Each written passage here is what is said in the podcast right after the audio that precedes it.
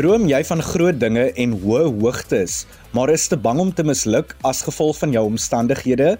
Kom maak jou beker vol en laat dit sommer oorloop wanneer ek met 'n klompie jong uitblinkers en sterre gesels.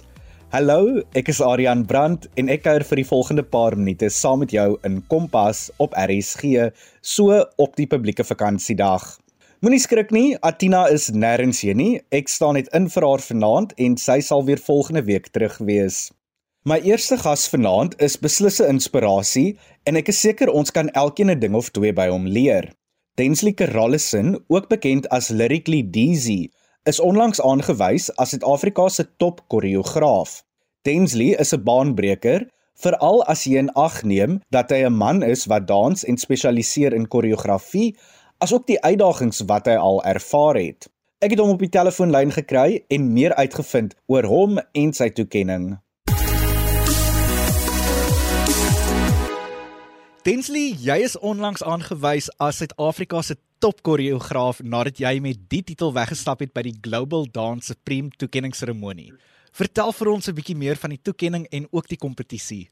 Ja, so basies ek was een van vyf finaliste vir die Global Dance Supreme Choreographer of the Year Award en basies die publiek en familie en vriende kon vir jou gestem het en daai was basies die proses gewees het ek was baie gelukkig gewees om die titel en die trofee huis toe te neem. Densley, ek weet dat jy verstom was toe jy met die toekenning bekroon is.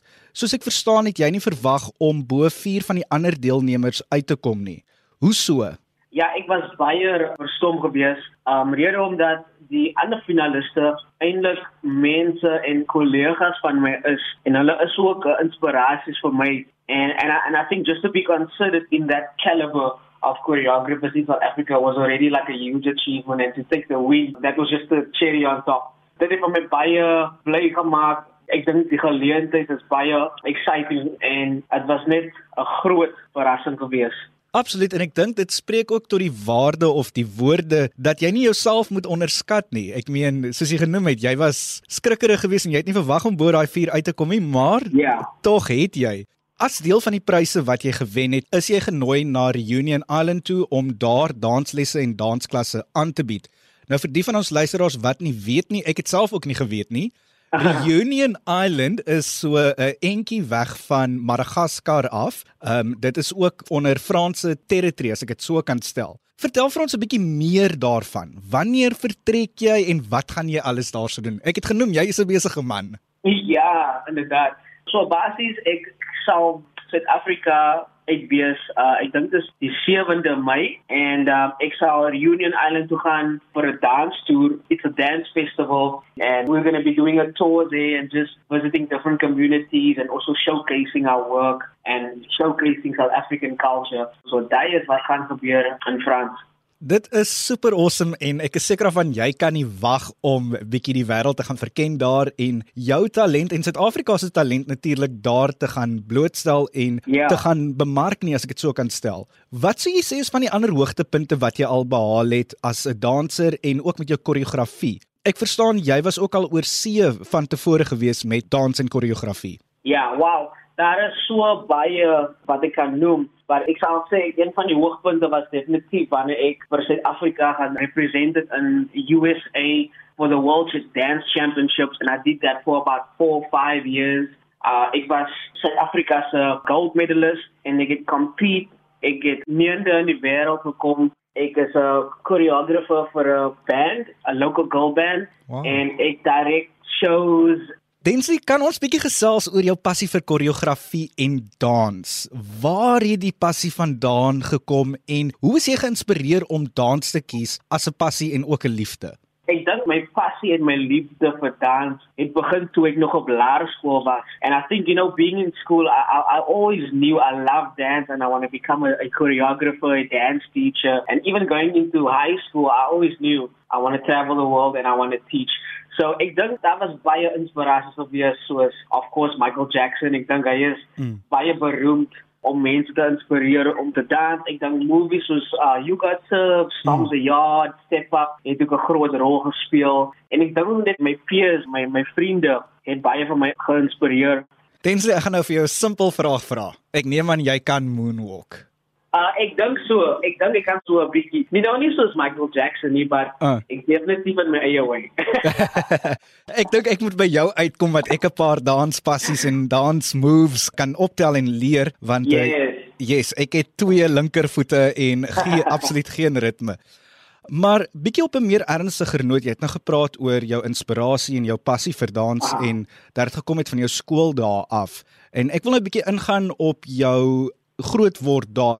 Jy het groot geword in Lavender Hill en dis 'n gemeenskap wat baie bekend is vir dinge soos bendegeweld, armoede en dwelms. Vanselfsprekend is dit 'n moeilike area om in groot te word en dan ook natuurlik om bo jou omstandighede uit te styg. En ons kan sê jy het dit gedoen. Ek meen ja. jy is aangewys as Suid-Afrika se top koreograaf. Vertel vir ons van die uitdagings wat jy ervaar het as 'n koreograaf en dit tot die big stage gemaak het. Ja, ek dink dit is van selfsprekend dat you know coming from an area like Lavendale retreat it's been tough you're surrounded by gangsterism drug abuse en ek dink almal my my vriende op daardie uh, stadium they were all people that didn't have the courage to dream big and to do, you know, big things. And I was faced with the fact that I might become another statistic just like them. Mm. So there was lots of resistance, you know, getting into dance, doing what I'm doing. Um, I think even to this day, it's like frowned upon to be a dancer or like, oh, dance is like fun. You shouldn't do it full time and all of that. So it does, there's some funny challenges I think created. But I think I just like, you know, believed in myself, believed in what I have to offer and I just kept dreaming and you know doing big. And now now that I've made it far, it's still kind of weird. Like as ek miskien huis toe gaan en en mense kyk vir my nog snaaks, hulle sien my miskien in die koerant, hulle sien hulle sien my op TV, um en doen almal die groot shows and it's still like, "Oh, you were a dancer and you did that," but it's like it's still unorthodox and very uncommon. So I think those are some of the challenges that I faced growing up in that area. Absoluut. En ek meen weer eens kudos vir jou wat bo daardie omstandighede uitgestaan het en bo uitgekom het en geweier het om net nog 'n statistiek te wees. Peace up, A-Town down. Yeah, yeah. Okay, okay. Ush, ush, ush. Let's go.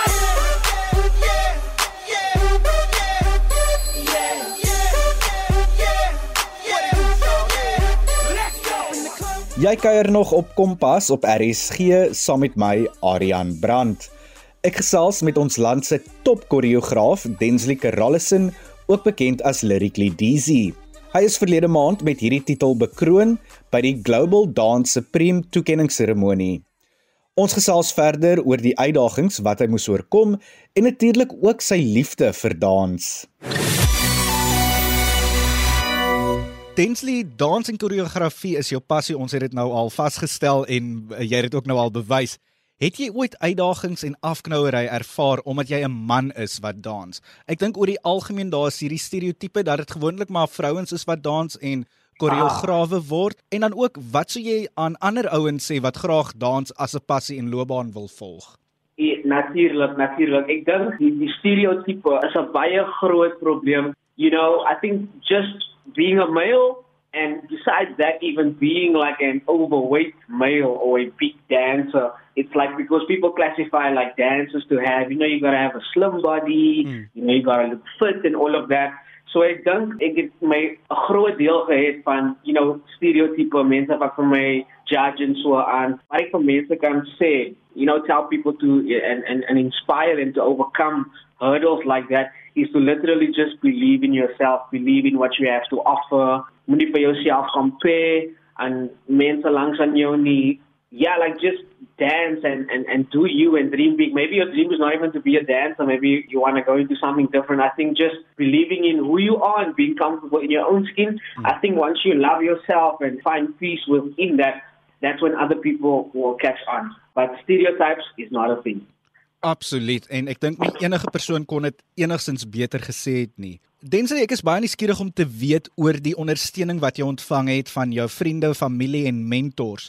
Ek dink soms dat ouers hul kinders in 'n loopbaan of rigting wil stuur waar hulle amper soos 'n 9 tot 5 werk het en koreografie val nie heeltemal in daardie kategorie nie. Jy het ook vroeër daarvan gepraat dat mense verwag dat koreografie nie en dans nie iets is ja. wat voltyds gaan wees nie. Ja, ek dink die ondersteuning van vriende en familie. Ek sal eerlik wees en sê ek ek het ondersteuning gekry van my ouers af, especially because I became a young father. I was actually at the age of 16 I became a dad and obviously, you know, that kind of threw me off because it wasn't on the plan. Mm. Uh, but luckily, my parents didn't disown me; they didn't throw me away. They and they knew I loved dance, so they they supported me. As for my friends, hulle vir my ook uh, There were a few of them that didn't believe in what I have to offer at first, but then later on, they kind of like you know believed in me and kind of like went with the flow. And I think in general, I want to speak on just having an unorthodox career. And it doesn't, it comes from myself a break as an example to people that you can actually make this your nine to five because dance literally puts food on my table, a roof over my head. Mm. And I do this full time. I've been doing this for like 15 years now. And I literally have the fruit that it's possible to make dance a career. I, I believe if you really want to accomplish something, no matter how weird and unorthodox it is, you can make it happen. Absoluut en solank jy net in jouself glo, ek dink dit is die ja. belangrikste ding op die ou einde van die dag. Glo in jou droom, glo in jou passie en keep the faith. Tensy jy het nou genoem dat jy jou eie studio en koreografie besigheid besit. Ja. Wat sou jy sê is jou sleutel tot sukses? Jy het genoem dat jy ook nou al 15 jaar in hierdie bedryf is. So om 'n besigheidsman te wees en uh, om 'n studio te hê, it definitely takes hard work and you know passion just committing to the process. I think that is one thing that, that has always stood out for me in my journey, just committing to the process, um, glo in your drama, be fearless. Some of the key points that I can tell people or, or that is key for me in my business is to work hard, train hard, commit fully to what you engage in. Hmm. Those are literally the recipes and the tools to success. There's no shortcut about it. You've got to go through the fire. You've got to go through the refining process. But it's about committing through and going all the way and never giving up. As cheesy and as crazy as it sounds, mm. it actually works. Absoluut en ek dink meeste mense kan getuig daarvan. Meeste mense wat in die besigheidswêreld is en wat sukses al behaal het met hulle passies en hulle talente sal ja. sal getuig daarvan. Dans het 'n goeie uitwerking en invloed op ons. Ek dink geestelik, emosioneel, fisies ook. Maar hoekom sou jy sê moet meer mense dans? Mm, ek stem saam. Ek sou sê mense moet begin te dans, want dit kan jou stres relief, dit kan vir jou goed laat voel, jy kan 'n bietjie gewig verloor. Um, and I just think overall dance is a good, you know, coping mechanism. It, it releases some good hormones in the brain. It's good for your mental health. So if you're thinking twice about it, don't think twice, just dance. Absoluut. Ek meen as jy 'n lekker beat hoor en jy begin al jou voete te tik, die tekens is daar, jy moet dans. Ja. Lig jou lig jou alie uit jou stoel op en begin skud daai ding. Natuurlik, ja. Dan lyrically Dizzy, oftewel Densley Karallison, Suid-Afrika se top koreograaf wat later die week Reunion Island toe gaan as deel van sy prys en toekenning by die Global Dance Supreme seremonie. Ja nee, hierdie jong man is beslis 'n inspirasie vir baie mense om nie toe te laat dat jou omstandighede jou toekoms gaan bepaal nie. Hy het my ook geïnspireer om bietjie my heupe en liggaam te swaai, al het ek bitter min ritme en al loop ek met twee linkervoete. Verlede week het ons Vryheidsdag gevier wat die herdenking is vir die eerste demokratiese verkiesing in ons land in 1994. Die dag is 'n inspirasie om ons vryheid as Suid-Afrikaners te vier en die opofferings te onthou van ons verdeelde land soveel jare gelede. Hoewel dit 28 jaar is wat ons in 'n demokrasie leef, is daar soms steeds ongemaklike vrae waarmee ons as Suid-Afrikaners worstel. Dinge soos ras, klas en dies meer. 'n Plek waar hierdie vrae dikwels ons jong mense plaag, is by die Universiteit Stellenbosch. Gekenmerk as 'n historiese blanke universiteit, is dit nou 'n prittende pot van verskillende rasse, klasse, kulture en agtergronde. Maar gesprekke oor ras en klas is steeds broodnodig. Die multimedia teaterproduksie Sit With Us was verlede week op die planke by die Adam Small Theaterkompleks in Stellies en ek het met 'n paar van die mense gesels wat betrokke was by die produksie. Dit is aangebied onder leiding van Dr. Andrei K Gerber, Professor Petrus Du Preez, Matumi Sang Motsisi en Ilana Snyman. Ek het met Petrus en 'n paar van die sterre gesels om meer uit te vind oor die produksie.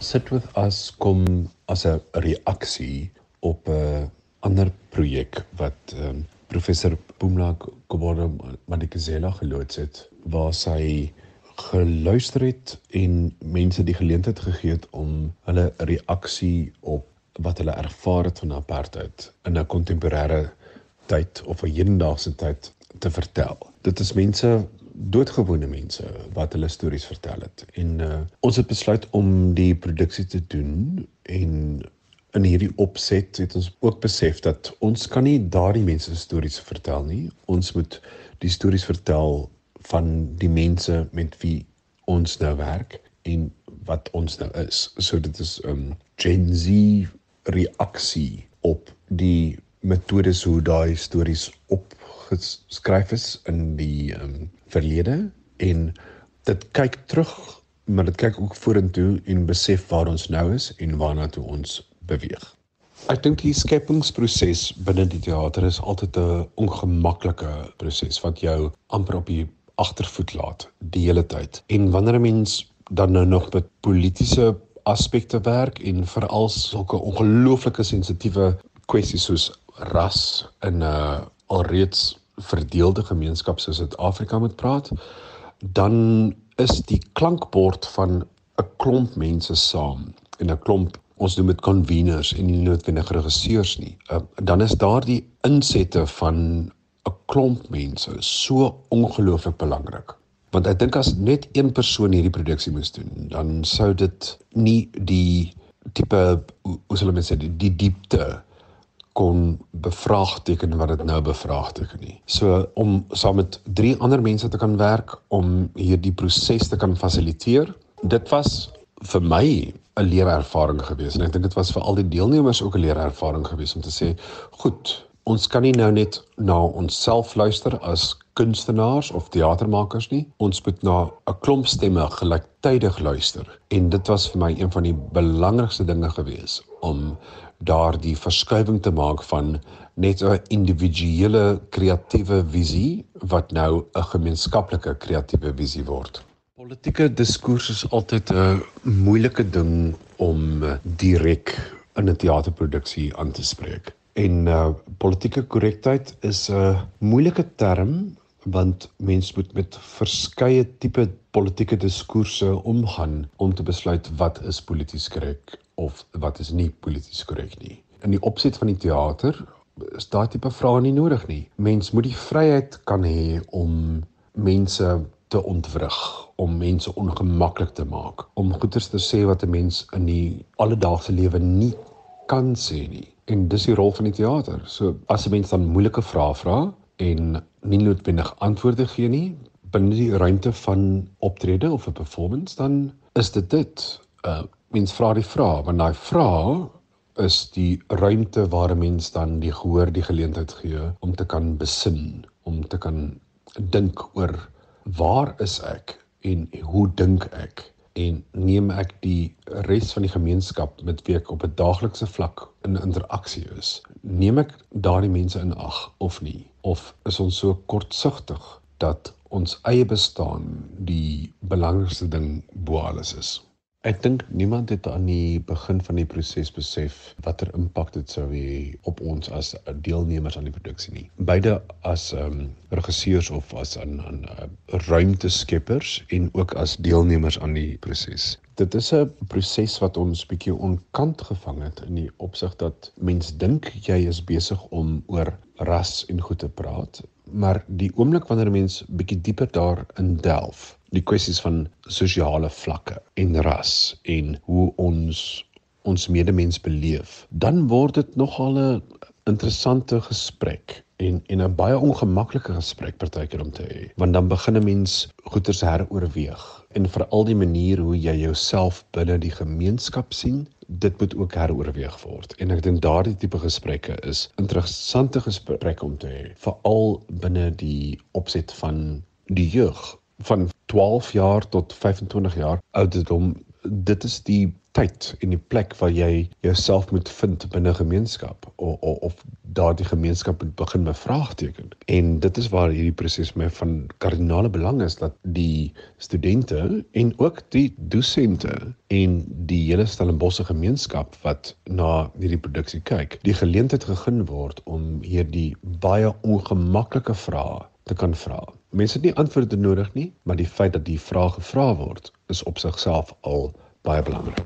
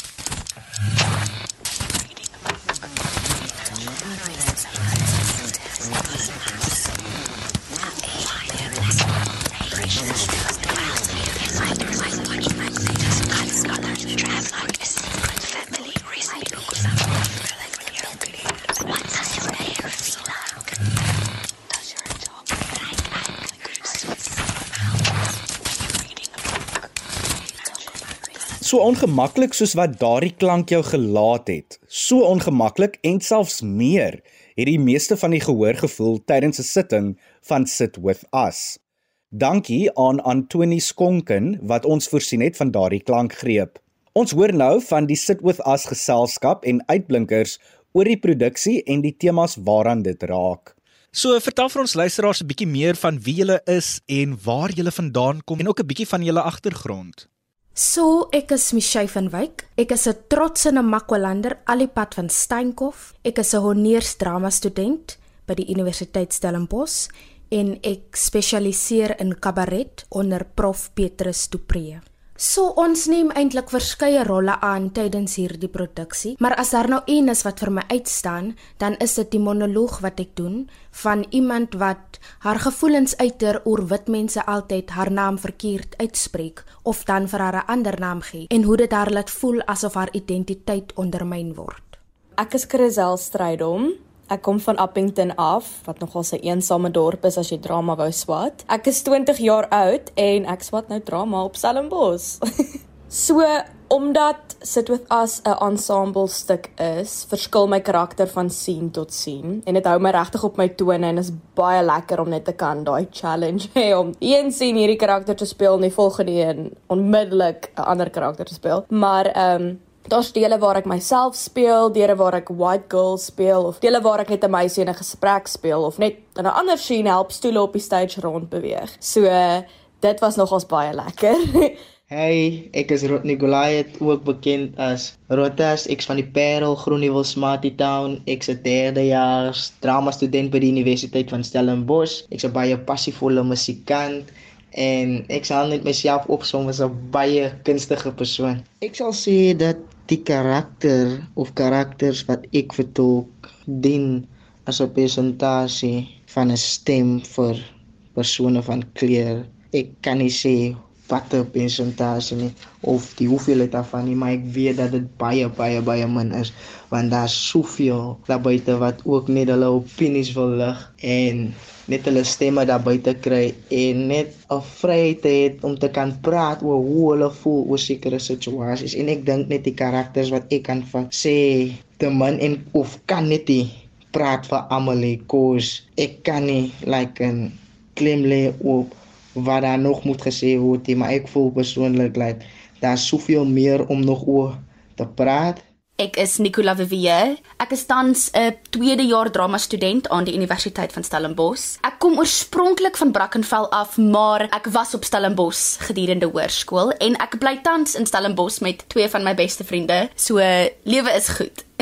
sien dit dat ons werk met werkswinkel en verbatim teater is die implikasie dat daar nie spesifieke karakters en mense en rolle is in die produksie nie. Dis meer 'n amalgamasie van al die mense met wie ons onderhoude gevoer het en dele van onsself. So daai is die beste manier hoe ek dit kan beskryf. Ehm um, dit is 'n spanpoging, dit is baie intense ensemblewerk, maar ek is maar net 'n klein deeltjie van die groot masjien en ek vertolk myself en al die mense met wie ek onderhoude gedoen het. Nou, almal van julle studeer aan die Universiteit Stellenbosch en is almal deel van Gen Z of Generation Z. Hoe belangrik sou julle sê is dit om gesprekke te voer oor die dinge wat die produksie aanspreek? Gesprekke, ag ek as kardinale belang soos gesprek het die potensiaal en selfs die mag om ons te leer, ons kennis te verbreek en selfs ons opinies te verander vir beter. Ek sê altyd, hoe kan jy beter doen as jy nie van beter weet nie?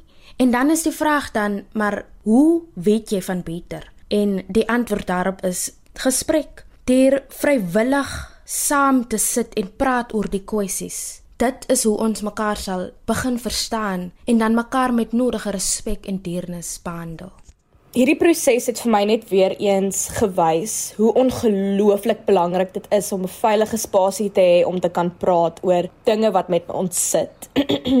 Daar was baie oomblikke in hierdie proses wat ek dalk my eie goed sou deel en dan onmiddellik na die tyd net begin afbreek en net huil. En wat ek ook mense kyk terwyl hulle praat en hulle stories deel, wat hulle net begin huil of angstig raak of jy jy kan sien hoe ongelooflik dit daai persoon geraak het en hulle het nêrens om dit te kan deel nie. So hierdie proses het vir my definitief daai uitgewys dat dit so belangrik is om te kan praat oor al hierdie dinge maak nie saak hoe bang jy is nie, dis dalk net tog meer rede om dit te kan afpak eers. Ons het so baie om te praat. Baie, baie, baie, baie. En ek voel dat ons as jongeling, ons as jeug, het toe baie kere weg van dit af. Kos jy wil nie oor seker goed praat nie, want in vandag se lewe word jy smaak gekansel.